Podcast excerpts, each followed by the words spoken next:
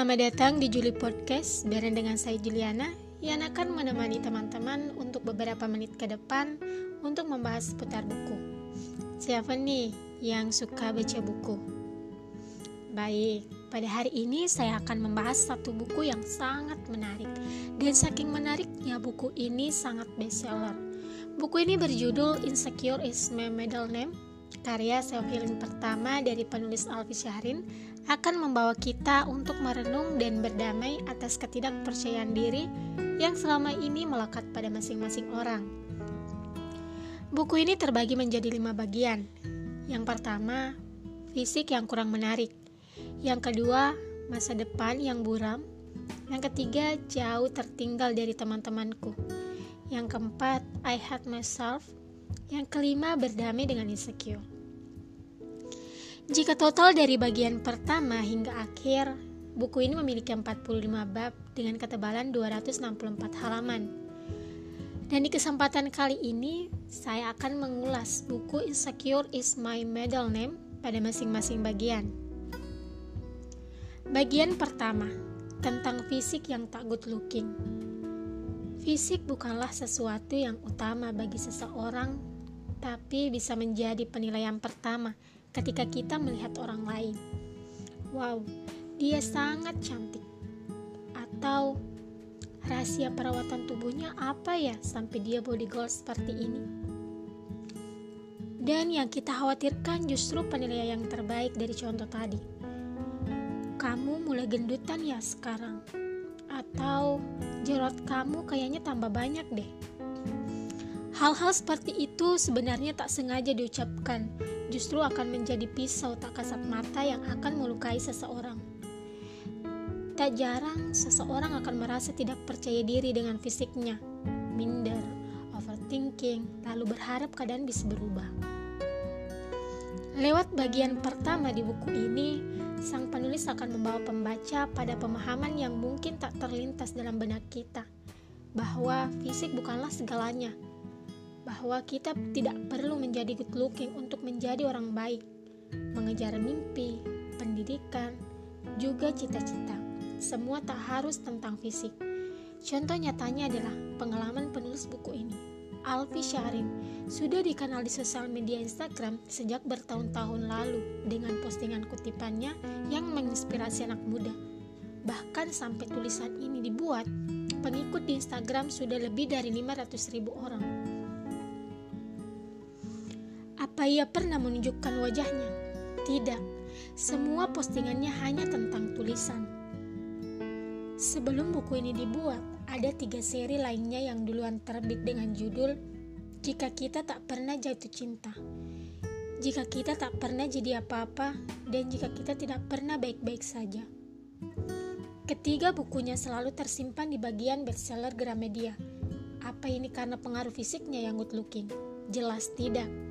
Karena sekali lagi para pembaca dan pengikutnya di Instagram bahkan tak mengenal wajahnya seperti apa.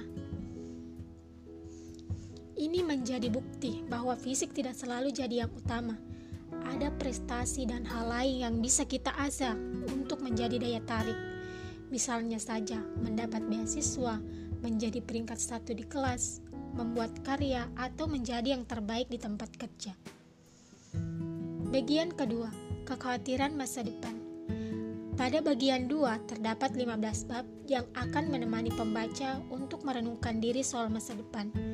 Tentang kita yang sering kehilangan motivasi, entah ingin mulai dari mana, hingga belum bisa membanggakan orang tua. Hal seperti ini memang wajar dirasakan oleh banyak kalangan. Kita merasa kok gini-gini aja dan mulai mengkhawatirkan seperti apa nantinya masa depan jika situasi terus-menerus seperti ini. Beberapa tips ditulis untuk meningkatkan kemampuan produktivitas diri. Setidaknya, kita harus mencoba dari nol dan memahami skill apa yang sekiranya bisa kita asah dalam diri kita. Misalnya, menulis, mendesain, pemrograman, dan lain-lain. Dari sini, kita akan diajak untuk pelan-pelan menemukan kemampuan diri yang tepat dan bagaimana cara untuk mengasahnya. Selain itu, pada bagian ini masih ada beberapa hal yang dibahas seperti bagaimana membuat diri produktif meskipun dalam posisi pengangguran. Juga saat pilihan kita berbeda dari keinginan orang tua. Bagian ketiga, pencapaian diri yang jauh dari teman. Seseorang dalam usia 25 tahun ada yang sudah menikah, membentuk keluarga kecil dan tinggal di rumah pribadi dengan pekerjaan yang bergensi. Sementara itu, seseorang lain dengan usia yang sama baru merintis karir di sebuah perusahaan kecil. Hal ini tak jarang membuat kaum dewasa muda di usia 20-an merasa minder atas pencapaian yang diraihnya karena melibat contoh lain yang ternyata lebih sukses dan lebih bahagia. Padahal tidak selamanya pencapaian orang lain harus menjadi tujuan pencapaian kita maka di bagian terdiri dari sebab bab ini memang sangat cocok kepada pembaca yang masih merasa tertinggal atas pencapaian teman sendiri yang kelihatannya lebih maju. Berbeda dengan orang yang mungkin karirnya biasa saja, namun ia unggul dalam bidang lain. Misalnya, membuat bakat seni sehingga bisa menghasilkan tambahan uang dari sana. Intinya adalah bahwa masing-masing orang bisa unggul dalam kompetisi yang berbeda. Saya bisa unggul di kompetisi A, namun teman saya unggul di kompetisi B. Tidak perlu memaksakan untuk mengejar pencapaian orang lain. Cukup dengan mengembangkan potensi diri untuk mencapai satu kompetisi. Bagian keempat, membenci diri yang tak sempurna.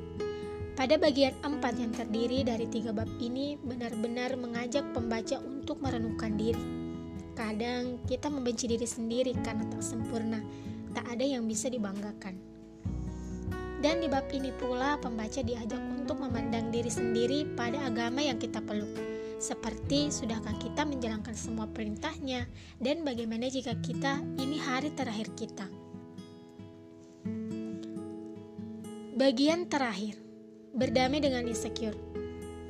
Dan inilah akhir dari perjalanan bersama insecure Tentunya di bab ini kita akan diajak untuk mencoba berdamai dengan semua insecure yang kita punya.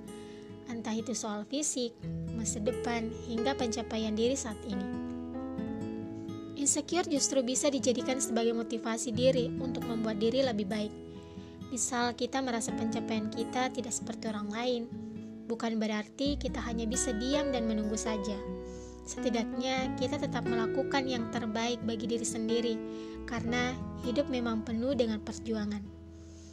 Contoh lain misalnya soal fisik. Jika kita insecure karena berat badan kita yang kurang ideal, tentunya kita akan mencoba untuk meraih berat badan yang lebih baik bukan? Mungkin jika bukan insecure tadi, seseorang tak akan peduli dengan postur tubuhnya karena merasa sudah sempurna.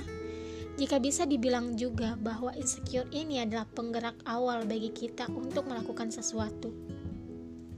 Nah, itulah tadi ulasan singkat dari kelima bagian buku Insecure is my middle name. Buku ini sangat cocok dibaca oleh kalangan remaja hingga dewasa muda yang masih sering merasa tidak percaya diri. Dengan insecure itu sendiri secara perlahan, selain itu pun akan ada beberapa potongan ayat Al-Quran dan hadis untuk meningkatkan kita, Sang Pencipta.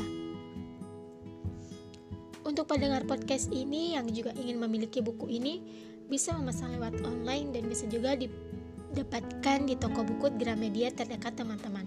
Akhir kata, terima kasih sudah mampir dan menyempatkan untuk mendengar podcast ini.